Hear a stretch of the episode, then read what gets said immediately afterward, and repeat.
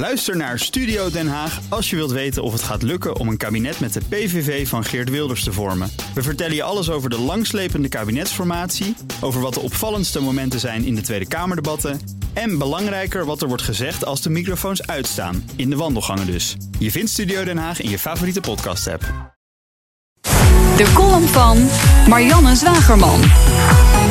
Zou ik 1,2 miljard euro betalen voor SBS? Vroeg ik me in 2011 af. Nou ja, wel als iemand anders zou afrekenen. Precies wat Sanoma deed, ingefluisterd door John de Mol. De Mol betaalde de fooi, maar Sanoma het hoofdgerecht en het toetje. Zonder plan, zonder strategie, zelfs zonder toekomstdroom.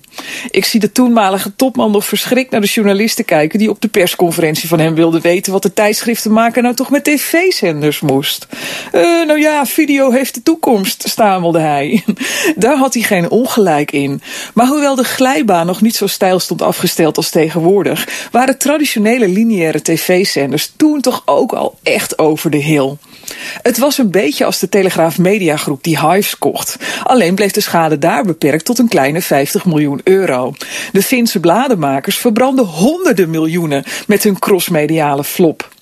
Na zes jaar krijgen ze van John de Mol nog zo'n 270 miljoen euro voor hun tweederde aandeel in het tv-station. En ze mogen het Veronica-blaadje houden. De zoveelste dure praktijkles die uitwijst dat crossmedia een hoax is. Kijkers zitten er niet op te wachten, lezers niet en adverteerders al helemaal niet. De theorie van sterke merken die elkaar nog sterker maken als ze op verschillende mediaplatformen te zien zijn, is een mooie droom. Een religie zonder waarheid. Terwijl Talpa, Sanoma en SBS ronddoolden in de crossmedia-kerk, werd Netflix vanuit het niets in een paar jaar tijd een van de sterkste mediamerken van Nederland.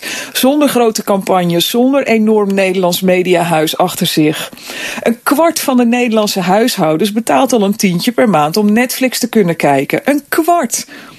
De Volkskrant beschreef uitgebreid hoe ze dat flikten. Niet bezuinigen op het laten maken van heel goede series, maar daarnaast vooral techniek, techniek, techniek. Net als Facebook en Google geldt voor Netflix ook. Het is vooral een heel goed technologiebedrijf. John de Mol koopt nog steeds maniacaal aandelen van een krant. Ik denk dat hij beter een paar honderd rete techneuten en programmeurs aan kan nemen. Want dan heeft video wel toekomst. En dat zei Marianne Zwageman, columnist op uh, dinsdag bij ons. Terug te lezen en te luisteren op bnr.nl en op de BNR-app.